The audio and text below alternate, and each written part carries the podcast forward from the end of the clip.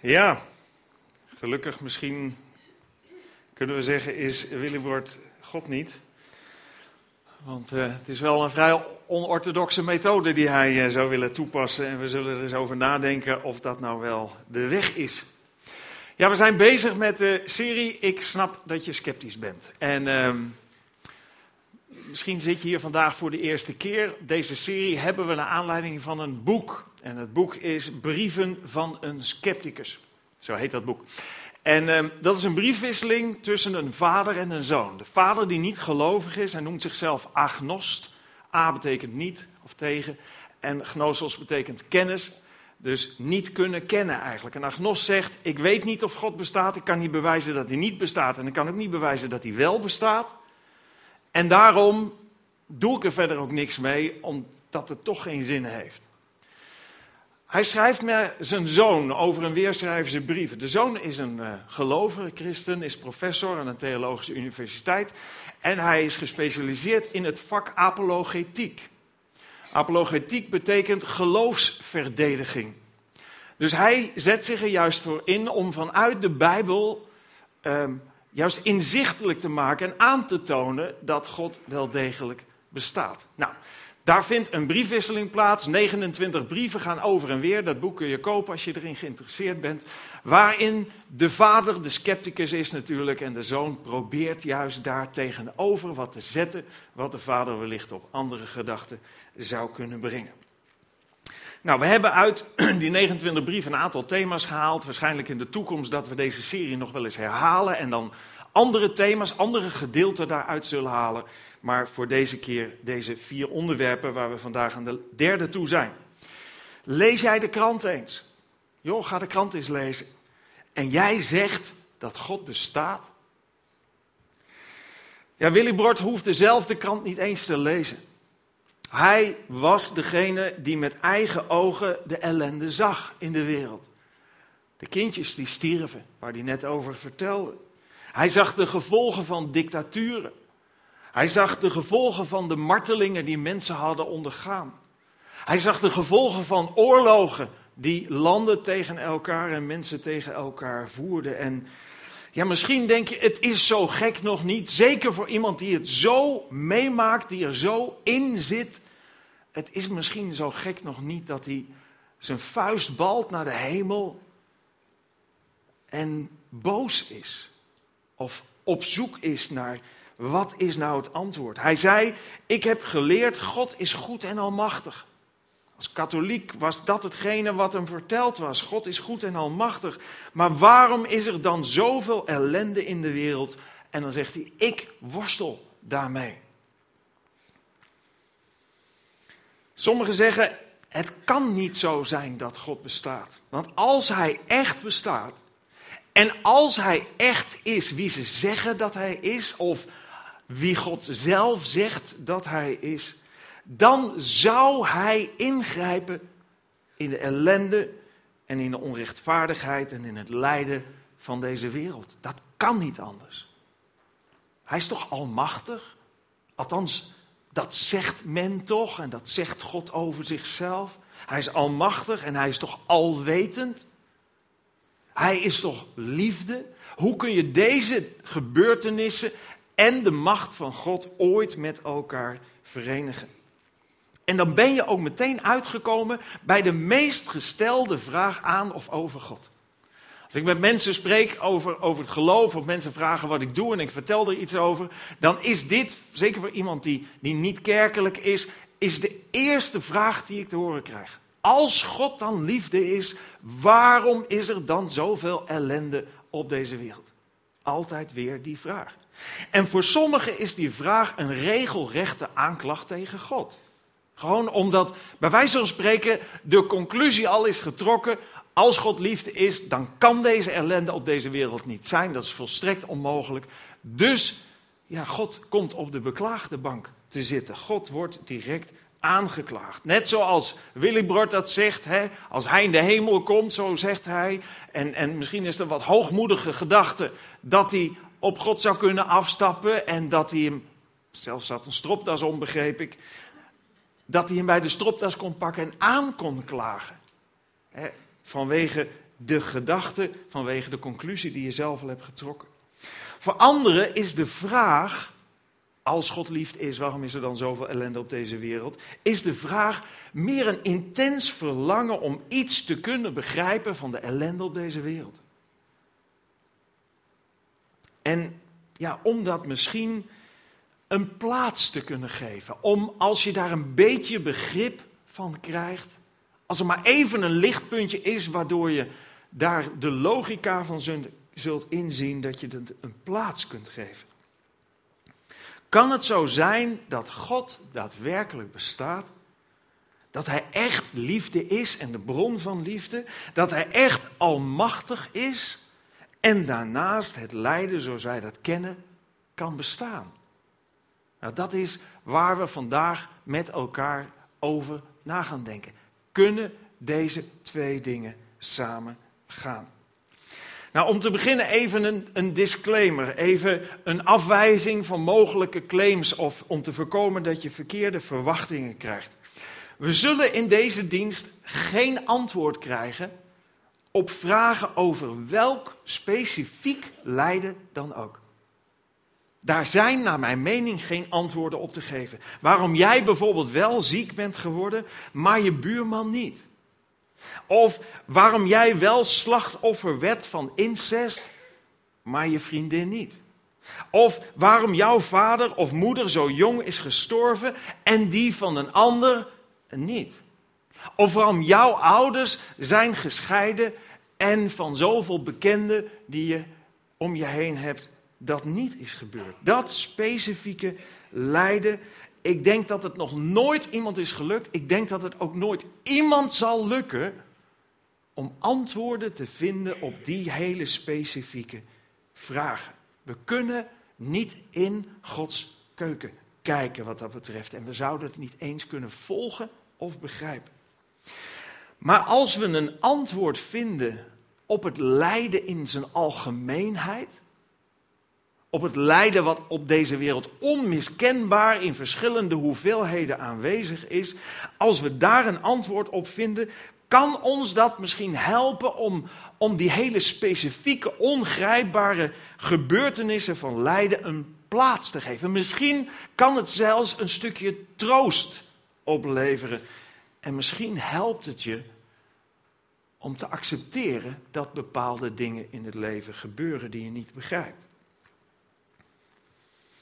Ieder mens verlangt naar, ten diepste naar heelheid, naar gezondheid, naar harmonie, naar, naar geluk. Daar ben ik absoluut van overtuigd. Er is niemand die bewust juist op zoek is naar het tegenovergestelde. Maar met dat verlangen sta je niet tegenover God. Zo vaak als deze vraag wordt gesteld, stelt de vraagsteller zich op tegenover God. Maar met eigenlijk dit verlangen sta je naast God. Want ook zijn verlangen is een verlangen naar heelheid, naar harmonie, naar geluk. Hij heeft ons geluk op het oog. En niet zelden komen we in de Bijbelteksten tegen waarin dat helder wordt, waarin dat duidelijk wordt. Staat een tekst in Jeremia 29 en daar staat: Ik immers, ik ken de gedachten die ik over u koester, spreekt de Heer. Het zijn gedachten van vrede en niet van kwaad, namelijk om u toekomst en hoop te geven. Dat is, dat is een van de vele plekken waarin God zijn verlangen uitspreekt, in dit geval voor zijn volk Israël. En notabene in een situatie waar zijn volk uit hun eigen land Israël werden gedeporteerd naar Babylonië. En ondanks dat lijden en ondanks die moeite en ondanks die pijn, zegt God tegen hun, maar ik, ik ken de gedachten die ik over u koester. Het zijn gedachten van vrede en niet van kwaad, namelijk om u toekomst en hoop te geven. Dat is het verlangen wat God heeft en niet alleen voor zijn volk Israël, voor iedereen. Maar zou je kunnen afvragen, als dat dan zijn verlangen is, waarom gebeurt dat dan niet? Nou, een makkelijk en een snel antwoord is omdat God ons een vrije wil gegeven heeft. En ik zal zo iets meer daarover zeggen.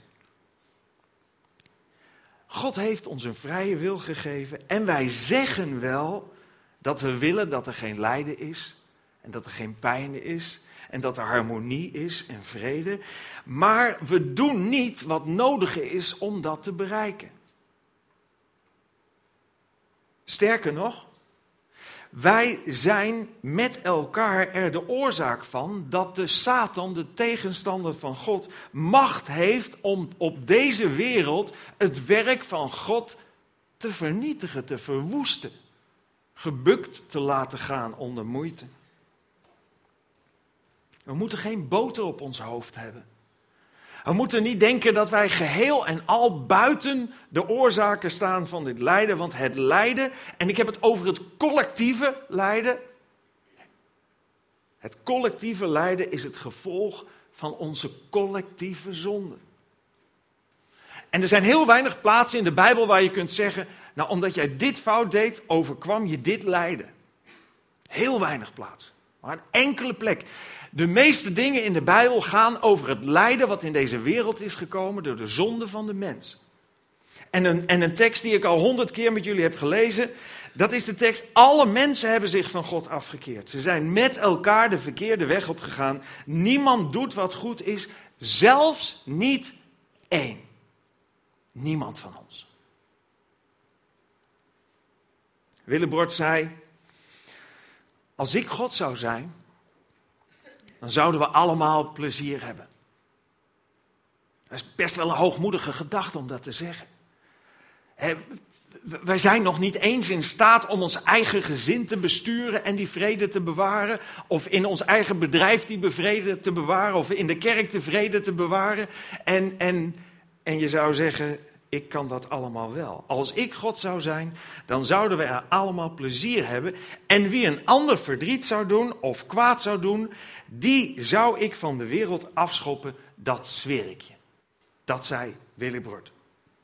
Nou, als God zou doen wat Willibrord vindt dat God zou moeten doen, dan was er op deze wereld geen Willibrord meer. Dat kan ik met aan zekerheid grenzende waarschijnlijkheid zeggen. Dan had hij namelijk al lang een rotschop gekregen. Dan, dan was hij eigenlijk zichzelf tot veroordeling. Want ik weet zeker dat ook hij mensen verdriet doet. En ik weet dat ook hij zeker mensen kwaad doet. En ik weet dat ook hij zeker, als je het hebt over de kaders van Gods liefde, buiten die kaders gaat. Dus eigenlijk vraagt hij aan God om hem te verdoemen. Als je dit zo zegt. Ik zei aan het begin al, gelukkig is Willy Bord God niet. God maakte in zijn oneindige wijsheid en liefde een heel andere keuze. En daar lezen we iets over, over die voorbereidende keuze die God maakte toen hij de mens maakte. Lees in Genesis, de Heere God plaatste de mens in de hof van Eden om de zorg daarvan op zich te nemen en de hof te bewerken. Maar hij waarschuwde de mens. Je mag van alle bomen in de hof eten, maar niet van de boom van kennis van goed en kwaad. Want als je daarvan eet, zul je zeker sterven. Zul je zeker sterven. Het Oude Testament is geschreven in het Hebreeuws, het Nieuwe Testament voor het grootste deel in het Grieks, klein stukje in het Aramees. En als je kijkt naar de Hebreeuwse woorden die hier vertaald zijn voor met zeker sterven, dan zie je dat er eigenlijk twee keer het identieke woord staat. Sterven en nog een keer sterven. Alleen allebei in een andere tijd. En als je het vertaalt vanuit dat grondwoord, dan staat er eigenlijk op de dag dat je van deze boom eet, zul je stervende sterven. Zul je stervende sterven. Stervende betekent dat je een sterveling wordt. En dat zijn we allemaal. Het tweede betekent een direct sterven. En aangezien Adam en Eva, we weten misschien hoe het verhaal afloopt, waarschijnlijk wel. We weten dat ze zich niet hielden aan dat gebod van God. Maar we weten ook dat ze niet ter plaatse dood zijn neergevallen toen ze dat gebod van God overtraden. Dus dat directe sterven moet op iets anders slaan dan het lichamelijke. Lichamelijk werden ze sterveling, net als wij dat zijn. We weten dat we eens zullen sterven. Maar wat was dat directe sterven? Dat directe sterven was het geestelijk sterven. Het losraken van de heilige God. Want een heilige God is niet verenigbaar met een zondig mens die zelf de keuze maakt om zich van God af te keren. Maar waarom? Waarom op deze manier? Waarom maakt God de keuze het zo te doen? Waarom niet gewoon de manier van Willybrord? Gewoon iedereen die buiten de kaders van zijn liefde gaat, gewoon een schop geven van de wereld af, dood, einde, klaar. Dat was het idee wat hij had. Nou, dat is omdat God van ons houdt.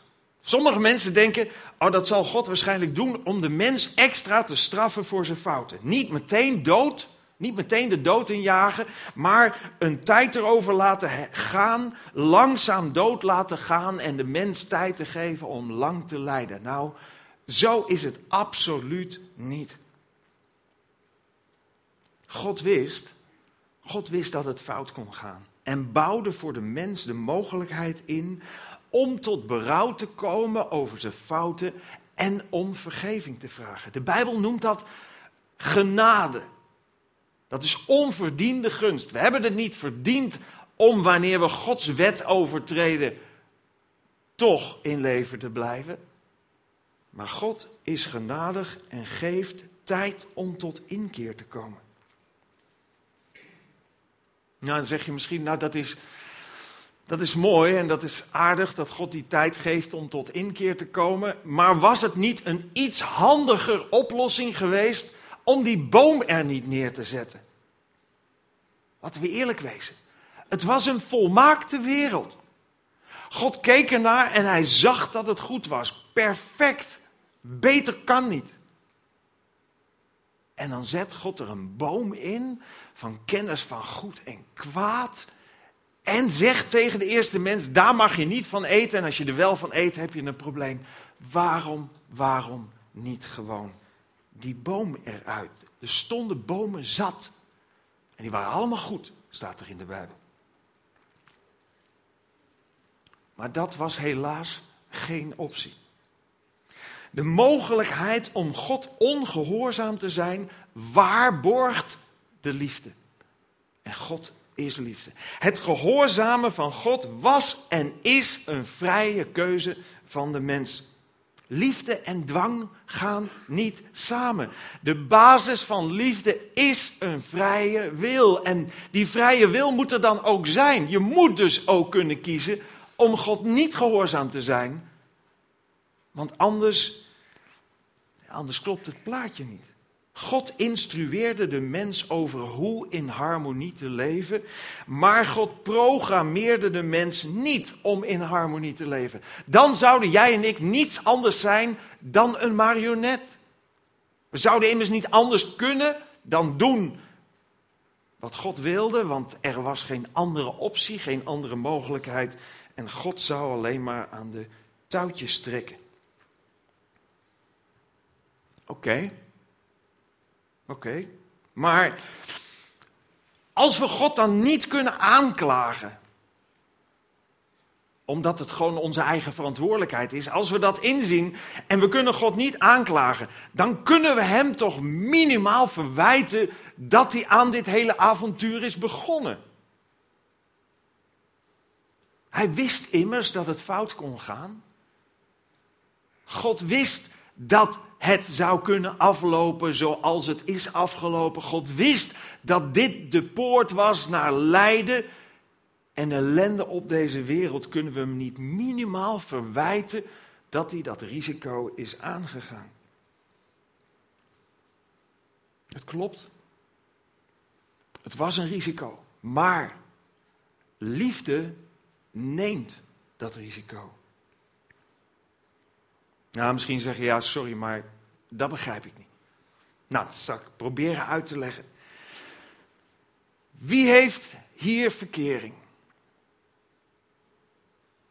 Nou, heel wat. Oh, zelfs behoorlijk ouderen die al heel lang getrouwd zijn. Die vind je dat je nog steeds verkering hebt? Oké, nou, dat is ook goed, daar hoor je er ook bij. Dat is heel dom om verkering te hebben. Dat is echt heel dom. Want je loopt er namelijk enorm risico mee. Want degene waar je verkering mee hebt, die kan je wel belazeren. En daar word je niet gelukkig van. Of, of, of, of die, die overkomt iets ernstig, ernstigs, waardoor je veel verdriet hebt over wat er gebeurt. Dat probleem zou je niet hebben als je er geen verkering mee had. Dan kunnen ze niet bij je weglopen, dan kunnen ze je niet belazeren. Dus het is niet slim om verkering te hebben. Je kunt beter alleen blijven. Wie zijn hier getrouwd? Dat is nog veel dommer.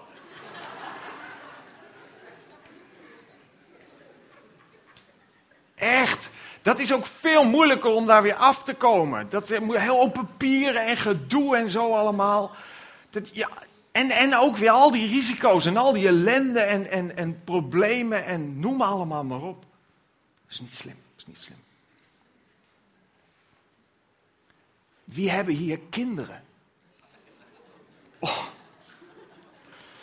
Zeldzaam. Ja, het duurde bij mij ook heel lang hoor, voordat, het, voordat die wijsheid doordrong. Maar dat moet je niet doen. Dat moet je echt niet doen hoor. Kijk, Ellen en ik hebben vijf kinderen, dat weten sommigen van jullie wel. Maar weet je hoeveel dat kost? Daar denk je van tevoren allemaal niet over na.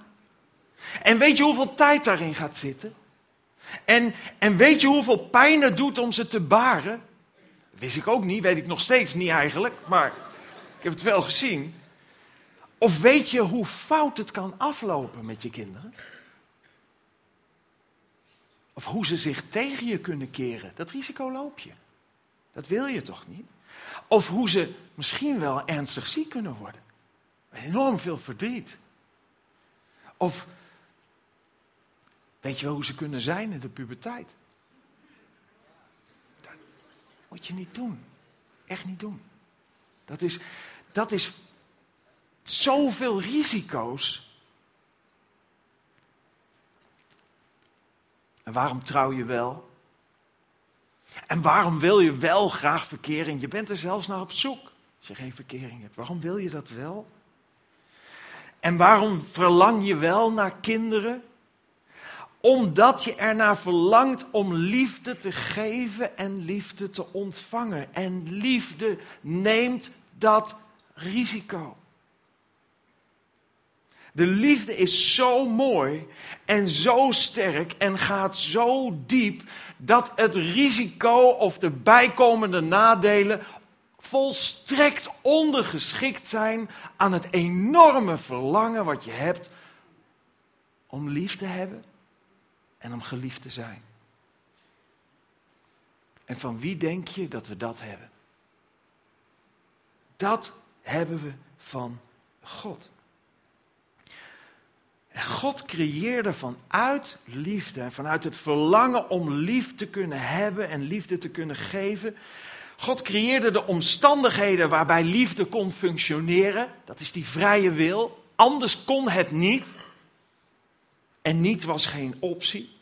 En hij creëerde een vangnet voor het risico dat de vrije wil met zich meebrengt. En dat vangnet is niet alleen tijd om tot inkeer te komen. En als je hier zit en nog geen keuze hebt gemaakt om de relatie met God, die door de zonde gebroken is, te herstellen, heb je nog tijd om dat te doen. Maar het is niet alleen tijd. God creëerde ook de oplossing om bij Hem terug te komen. We lezen in Romeinen, maar God heeft ons zijn grote liefde getoond. Door Christus te sturen en Hem voor ons te laten sterven toen wij nog schuldige zondaars waren. God houdt zo ontzettend veel van jou en van mij dat hij niet zegt: Oké, je hebt het verprutst. Nee, God wist dat het fout kon gaan. En natuurlijk zijn we zelf verantwoordelijk voor de fout en de zonde die we begaan. Maar God houdt zoveel van je dat hij en tijd creëerde en gelegenheid creëerde om bij Hem terug te komen. Willibrord zei: Wie komt er nou eens een keer met een oplossing? God kwam met die oplossing. Hij zei: Klaag hun niet aan. Jezus stierf voor onze zonde. Jezus zei: Neem mijn leven in plaats van het leven van hen. En toen Jezus nog op aarde liep, zei hij: Voorwaar, voorwaar, ik zeg u. Wie mijn woord hoort, en dat doen jullie allemaal op dit moment, en hem gelooft die mij gezonden heeft, dat is God, de Vader, de schepper van hemel en aarde. Die heeft eeuwig leven en komt niet in de verdoemenis. De verdoemenis is daar waar God niet is. Die zal niet blijven in een situatie waar hij altijd van mij gescheiden is. Maar is uit de dood overgegaan in het leven. Geloof, zou je kunnen zeggen, is je treinticket van een trein die het eeuwig leven als eindstation heeft. En onderweg, onderweg in het leven hier en nu worden we geconfronteerd met de gebrokenheid van deze wereld, waar we allemaal onze verantwoordelijkheid voor moeten voelen. En bewust moeten zijn, ik ben een zondaar. Ik heb dingen gedaan die buiten Gods kaders gaan. En natuurlijk maak ik, ook al ben ik onderweg naar God en naar een leven met Hem over de grens van de dood, hier en nu zijn er nog hobbels en obstakels en tegenslagen en lijden. Dat is de gebrokenheid van deze wereld. En hoe dat lijden verdeeld is, en waarom de ene wel dit en de andere wel dat en niet dat of niet dit krijgt. We weten niet hoe dat in elkaar steekt en pijnig jezelf niet met een zoektocht daarnaar. Dat is aan God. En we zullen nooit kunnen uitvinden waarom het een, waarom het ander belangrijk is te weten. Het lijden van deze wereld is het gevolg van onze zonde, maar God is barmhartig en genadig om ons eruit te redden. Het enige wat de Bijbel van je vraagt is geloof. Beleid je zonde. Vertrouw op God en volg Jezus. Je hoeft God niet te begrijpen om Hem te kunnen gehoorzamen. En als aanmoediging zegt Paulus nog het volgende. Ik ben ervan overtuigd dat het lijden van de tegenwoordige tijd van hier en nu niet opweegt tegen de heerlijkheid die over ons geopenbaard zal worden. Dat is niet een poging van Paulus om, om het maar een beetje weg te poetsen, dat lijden, alsof het onbelangrijk is, of alsof het niet pijn doet, alsof het ons niet raakt, alsof we er niet onder gebukt gaan. Nee, het is om je het perspectief te schetsen van dat wat komt. Er is hoop. Het wordt zo anders als het nu is. Zorg dat je erbij bent. Je hebt één leven de tijd om te bepalen waar je in eeuwigheid zult zijn. En als soort van, van inkijkje in, in hoe gaat dat dan worden? Waar zijn we dan naartoe onderweg? Om daar zicht op te krijgen, liet God aan Johannes daar een, een moment naar kijken. En Johannes mocht dat opschrijven. Hij mocht doorgeven wat hij voor de toekomst te zien had gekregen. En dan zegt hij: Ik zag een nieuwe hemel en een nieuwe aarde. De tegenwoordige hemel en de tegenwoordige aarde waren er niet meer. En ook de zee was verdwenen. Ik zag de heilige stad, een nieuw Jeruzalem, van God uit de hemel naar, naar beneden komen. Dat is het centrum. Het nieuwe Jeruzalem. Zoals nu ook alles zich concentreert op en om Jeruzalem. En dat de komende tijd nog veel sterker zal worden. Er komt een nieuw Jeruzalem. Zij zag er feestelijk uit als een bruid die op haar bruidegom wacht. Ik hoorde een luide stem uit de troon zeggen: Gods huis staat nu bij de mensen. Hij zal bij hen wonen. Zij zullen zijn volk zijn en hij zal zelf bij hen zijn. Dat is toch geweldig? Dat daar waar wij mogen zijn, als je daar naartoe onderweg gaat, dat dat de plek is waar God zelf zal zijn. Hij zal alle tranen van hun ogen afwissen. Er zal geen dood meer zijn. Van verdriet, rouw en pijn zal geen sprake meer zijn. Dat hoorde allemaal bij de oude wereld en die is voorgoed voorbij. Hij die op de troon zat, zei: Ik maak alles nieuw.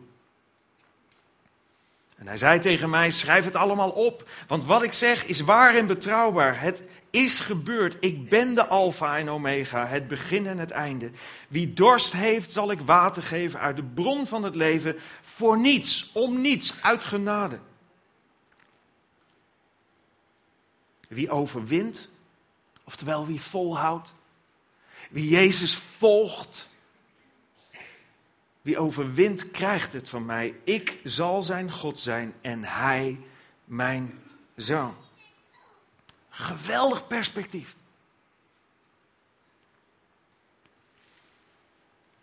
En misschien zeg je, misschien ben je een echte denker. En misschien zeg je, ja, maar dan heb ik nog één vraag. Eh, voor de zekerheid, nog één vraag. Begint het verhaal dan niet weer van voren af aan?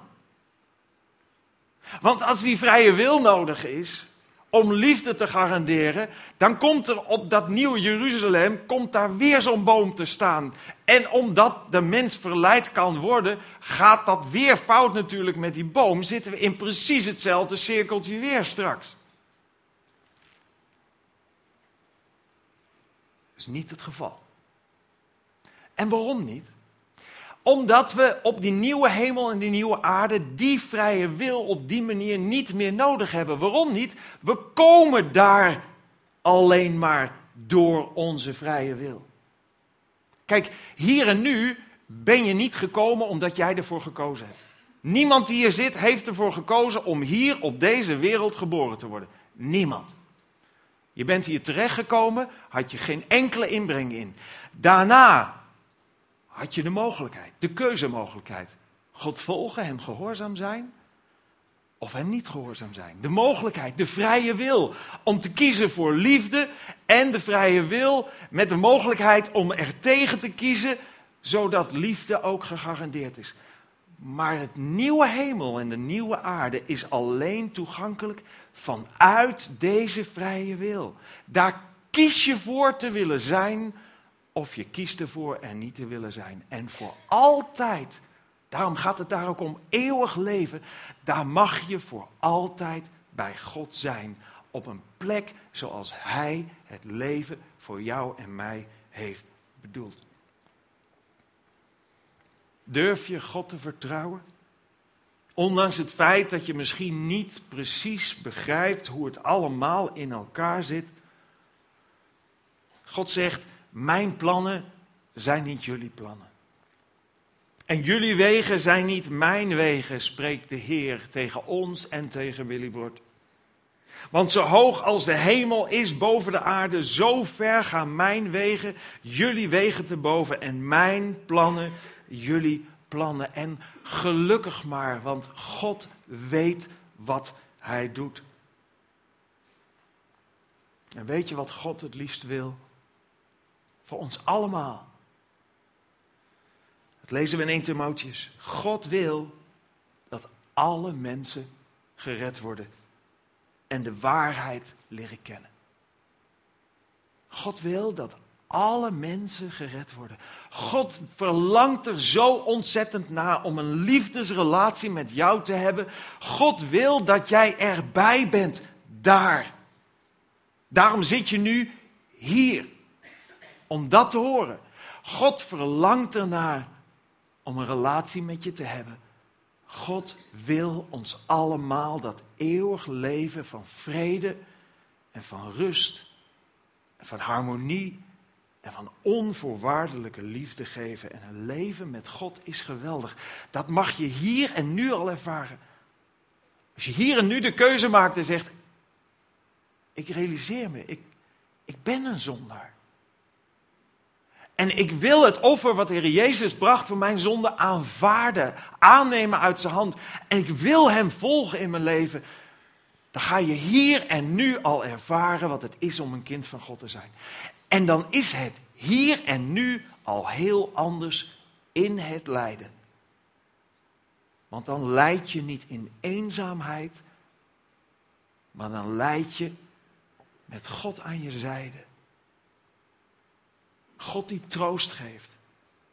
God die zegt, het klopt, dit is een gebroken wereld. En je weet waar het door is ontstaan. Ik zal met je mee oplopen. Ik zal je troosten. Ik zal je hoop geven. Ik zal je helpen om vol te houden. Laten we bidden en danken. Dank u wel, Heere God, dat u zoveel van ons houdt en ons eeuwig leven wil geven. Dat u wil dat we de waarheid ontdekken. Dat u wil dat we niet die eeuwigheid mislopen. Heer, en ik wil u zo bidden voor ons allemaal zoals hier zitten. U kent ons hoofd voor hoofd. U kent ons leven. U kent ons verdriet, de pijn, de teleurstelling.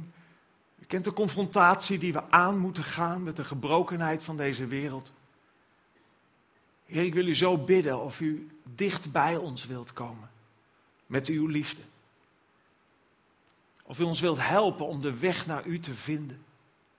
En u zegt, wie mij zoekt zal me vinden. Help ons, Heer, om die eerste stap te zetten. Eigenlijk de tweede stap, want u bent degene die altijd de eerste stap zet en naar ons uitreikt. Help ons om uw uitgestoken hand aan te nemen. En te gaan voor redding en voor verlossing. Uw liefde is zo groot dat u uw zoon, de Heer Jezus Christus, gaf als losprijs voor onze zonde. Heer, het is zo groot. Het is zo moeilijk te beseffen, zo moeilijk te bevatten. Komt u ons daarin tegemoet? Dat bid ik u zo in Jezus' naam. Amen.